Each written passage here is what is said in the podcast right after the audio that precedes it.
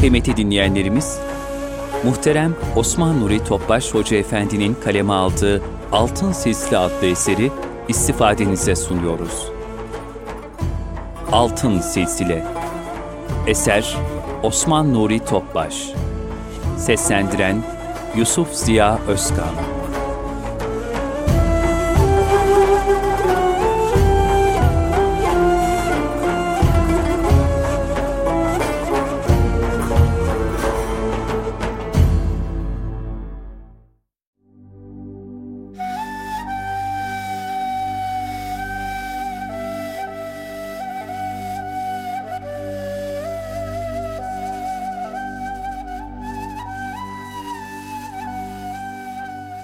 Altın Silsile Osman Nuri Topbaş Hazreti Ebu Bekir radıyallahu anh'ın ibadet aşkı. Müşrikler Ebu Bekir radıyallahu anh Efendimizin Kabe'de ibadet etmesine müsaade etmedikleri için o da evinin önünde bir namazgah edinmişti. Orada namaz kılıp Kur'an okumaya başladı. Rikkati kalbiye sahibi yufka yürekli bir zat olduğu için, Kur'an-ı Kerim'i okurken hüzünlenir, gözyaşlarına mani olamazdı. O, Kur'an-ı Kerim'i böyle derin bir vecd içinde okurken, müşriklerin çocukları ve kadınları etrafında toplanıp hayran hayran dinlemeye başladılar. Bu hal, Kureyş müşriklerini korkuttu. Buna mani olmak için uğraştılar. Ebu Bekir radıyallahu anh ise, Allah'ın himayesine sığınarak ibadetlerine devam etti. Bütün hak aşıkları gibi Ebu Bekir radıyallahu anh Efendimizin gönlünde de bilhassa seher vakitlerinde yapılan ibadetlerin pek müstesna bir değeri vardı. Şu hadise, onun gece ibadetlerine olan düşkünlüğünün ne kadar da bariz bir işaretidir. Bir ara Resulullah sallallahu aleyhi ve sellem, sekiz veya dokuz gece yatsı namazını gecenin üçte birine kadar tehir etmişti.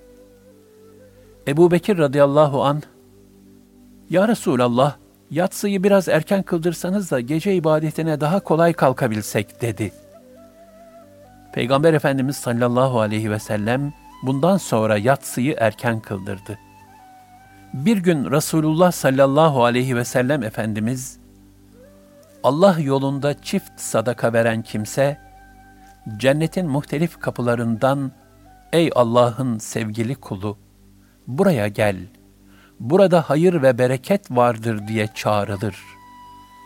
Sürekli namaz kılanlar namaz kapısından, mücahitler cihat kapısından, oruçlular reyyan kapısından, sadaka vermeyi sevenler de, sadaka kapısından cennete davet edilirler buyurmuşlardı. Ebu Bekir radıyallahu an, anam babam sana feda olsun ey Allah'ın Resulü.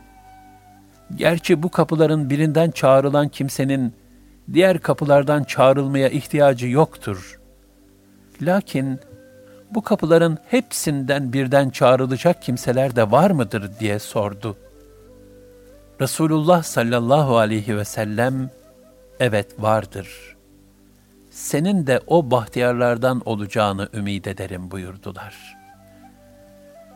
Yine bir gün Allah Resulü sallallahu aleyhi ve sellem yanındaki sahabilere, İçinizde bugün kim oruçludur?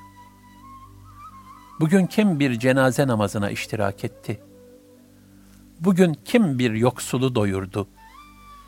Bugün bir hasta ziyaretinde bulunanınız var mı diye sualler sormuştu.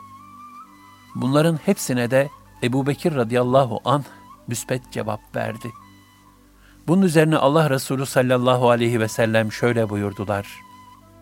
Kim bu salih amelleri bir araya getirirse, o mutlaka cennete girer. Hazreti Ebu Bekir radıyallahu an bir gün Resulullah sallallahu aleyhi ve sellem Efendimiz'e ya Resulallah, bana bir dua öğretiniz de onu namazımda okuyayım dedi. Allah Resulü sallallahu aleyhi ve sellem de ona şöyle dua et buyurdular. Allahümme inni zalemtu nefsi zulmen kethiran ve la yagfiru zunube illa ente fagfirli mağfireten min indike verhamni inneke entel gafurur rahim.'' Allah'ım ben kendime çok zulmettim. Günahları bağışlayacaksa yalnız sensin. Öyleyse tükenmez lütfunla beni bağışla, bana merhamet et. Çünkü affı sonsuz, merhameti nihayetsiz olan yalnız sensin. Yine Ebu Bekir Sıddık radıyallahu an bir gün Resulullah sallallahu aleyhi ve sellem Efendimiz'e Ya Resulallah, bana bazı mübarek kelimeler öğretseniz de onları sabah akşam okusam dedi. Allah Resulü sallallahu aleyhi ve sellem de Allahümme fâtiras semâvâti vel ardı alimel gaybi ve şehâdeh Rabbe kulli şeyin ve melikeh Eşhedü en la ilahe illa ent Eûzu bike min şerri nefsi ve şerri şeytani ve şirkihi. Gökleri ve yeri, görünen ve görünmeyen alemleri yaratan Allah'ım. Ey her şeyin Rabbi ve sahibi! Senden başka ilah bulunmadığına kesinlikle şehadet ederim. Nefsimin şerrinden, şeytanın şerrinden, onun Allah'a şirk koşmaya davet etmesinden sana sığınırım diye dua et ve bunu sabahleyin, akşamleyin ve yatağa yattığın zaman söyle buyurdular.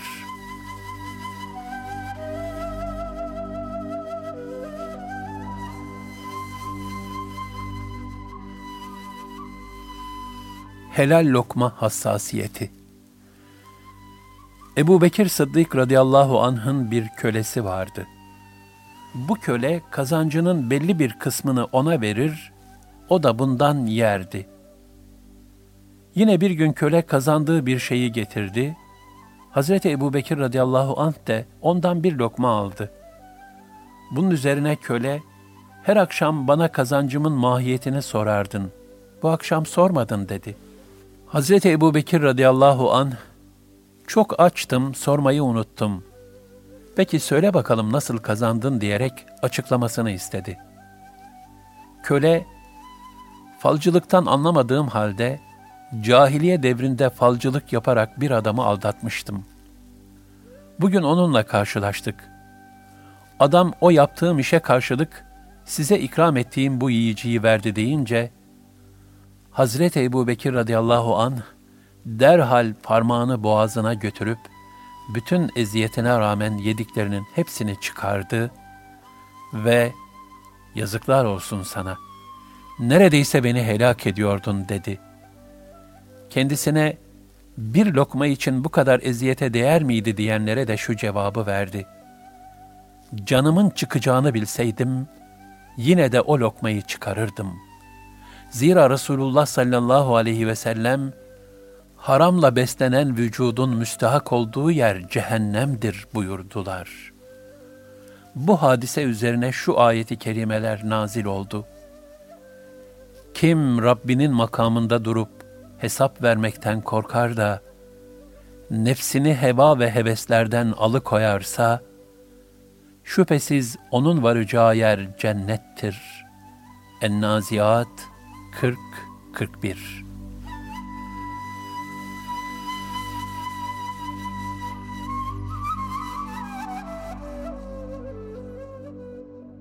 Hilafeti Hazreti Ebu Bekir ile Hazreti Ömer radıyallahu anhüma, Peygamber Efendimiz sallallahu aleyhi ve sellemin gözü ve kulağı mesabesindeydiler. Resulullah sallallahu aleyhi ve sellem onlar hakkında, benden sonra Ebu Bekir ve Ömer'e tabi olunuz buyurmuşlardı. Bir kadın, Peygamber Efendimiz'e gelip bir meselesini arz etmişti. Allah Resulü sallallahu aleyhi ve sellem de ona bazı tavsiyelerde bulunmuş, bunları yaptıktan sonra tekrar kendisine gelmesini söylemişti. Kadın, ey Allah'ın Resulü, geldiğimde sizi bulamazsam ne yapayım diye sordu. Bu sözüyle Efendimiz sallallahu aleyhi ve sellemin vefatını kastediyordu. Resulullah sallallahu aleyhi ve sellem beni bulamazsan Ebu Bekir'e git buyurdular.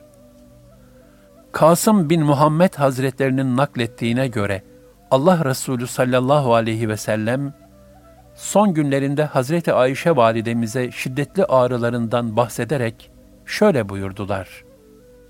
Ebu Bekir'e ve oğluna haber gönderip, halifeliği Ebu Bekir'e vasiyet etmeyi düşündüm. Böylece bazılarının halifelik hakkındaki dedikodularını ve bu hususta arzusu olanların temennilerini kesmek istedim. Fakat sonra Allah Teala, halifeliği hak etmeyen birine vermez. Müminler de halifeliğe layık olmayan birini ondan uzak tutarlar. Veya Allah Teala layık olmayan kişiyi hilafetten uzaklaştırır, müminler de hak etmeyen kişiyi o makama seçmezler diye düşünüp bundan vazgeçtim. Bütün bunlar Hz. Ebu Bekir radıyallahu anh'ın hilafeti hususunda tartışmaya mahal bırakmayacak derecede açık hükümler ve kat'i delillerdir. Resulullah sallallahu aleyhi ve sellem Efendimiz vefat ettiğinde, Ensar ve muhacirler Sakife'de Hazreti Ebu Bekir'e beyat ettiler. Bir gün sonra umumi bir beyat daha oldu ve peygamberlerden sonra insanlığın en hayırlısı olan Hazreti Sıddık radıyallahu an insanlara şöyle hitap etti. Ey insanlar! En salihiniz olmadığım halde sizin başınıza halife seçilmiş bulunuyorum. Şayet vazifemi hakkıyla yaparsam bana yardım ediniz. Yanlış hareket edersem beni ikaz ediniz. Doğruluk emin bir şahsiyet olmanın göstergesidir. Yalansa hıyanettir. Zayıf olanınız hakkını alıncaya kadar benim yanımda en güçlünüzdür. Güçlü olanınız da kendisinden hak sahibinin hakkını alıncaya kadar benim nazarımda en zayıfınızdır. Bir millet Allah yolunda cihadı terk ederse zillete düçar olur. İnsanlar arasında kötülük yayılırsa Allah o millete umumi bir bela verir. Allah'a ve Resulüne itaat ettiğim müddetçe bana itaat ediniz. Şayet Allah'a ve Resulünün emirlerine riayette kusur gösterirsem, bana itaat etmeniz söz konusu olamaz. Haydi namazımızı kılalım. Allah'ın rahmeti üzerinize olsun. Hazreti Ebu Bekir radıyallahu an daha sonraki bir hutbesinde de şöyle buyurdu.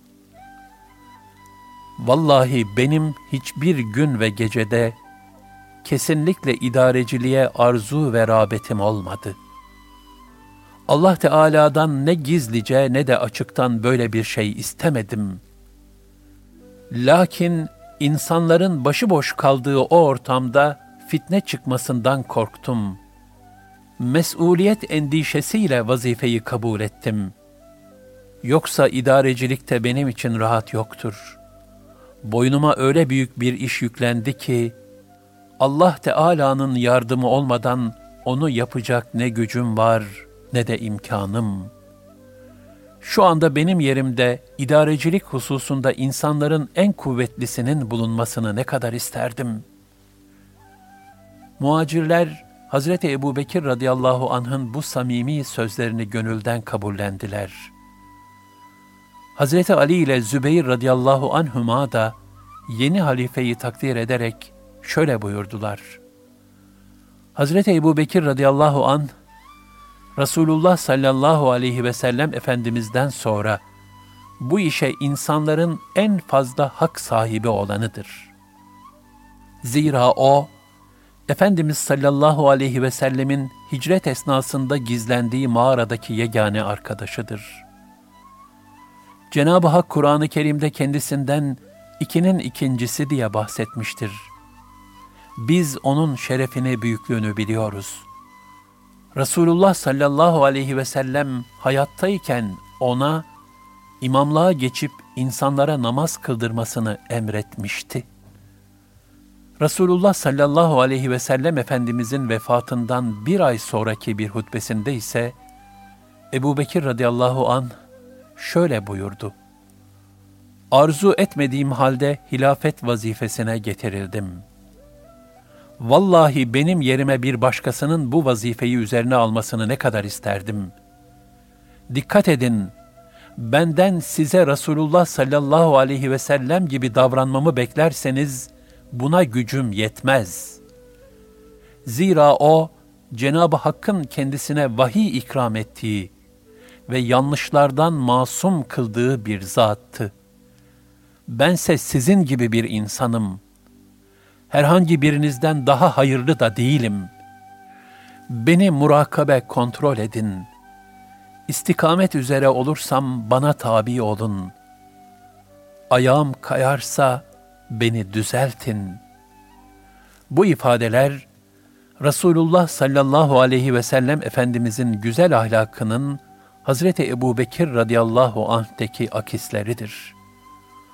Onun ne kadar mütevazı ve sünnet-i seniyyeye bağlı bir Allah ve Resulullah dostu olduğunun en bariz göstergesidir.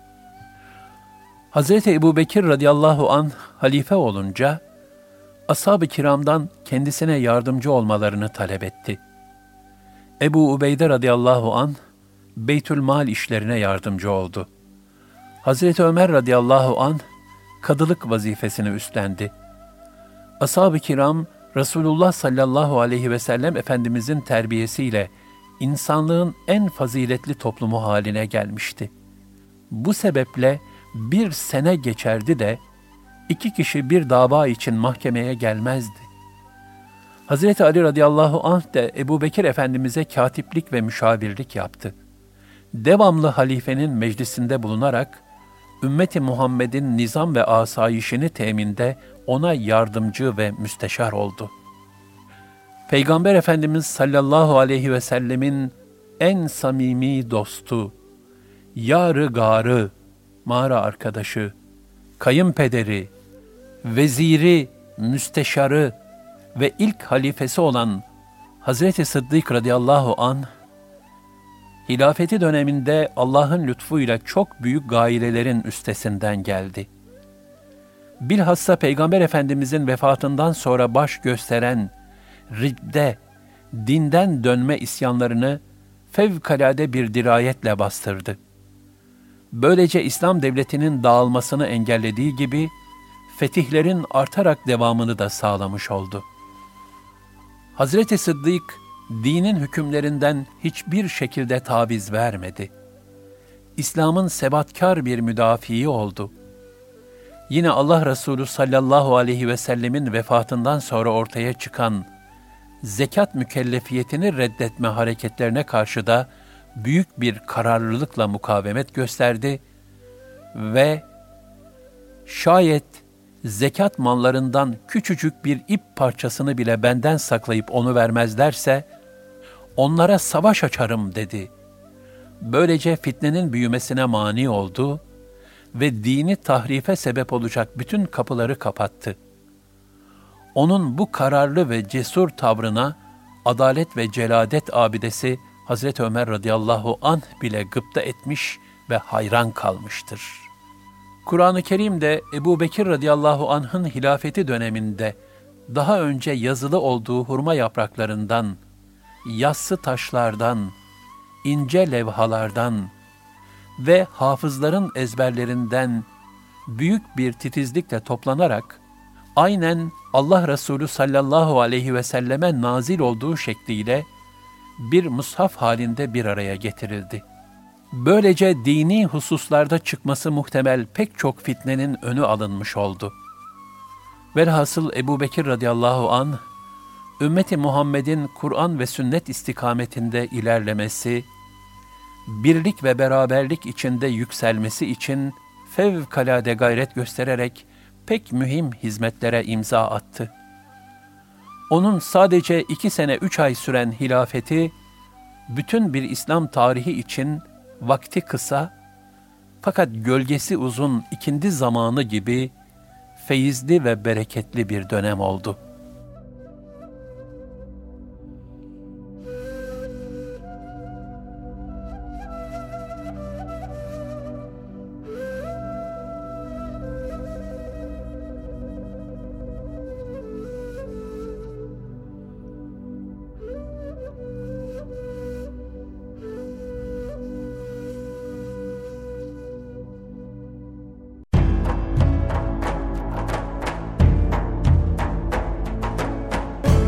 Kalbin Sesi Erkam Radyo'da muhterem Osman Nuri Topbaş Hoca Efendi'nin kaleme aldığı, Yusuf Ziya Özkan'ın seslendirdiği Altın Sisli adlı eseri dinlediniz.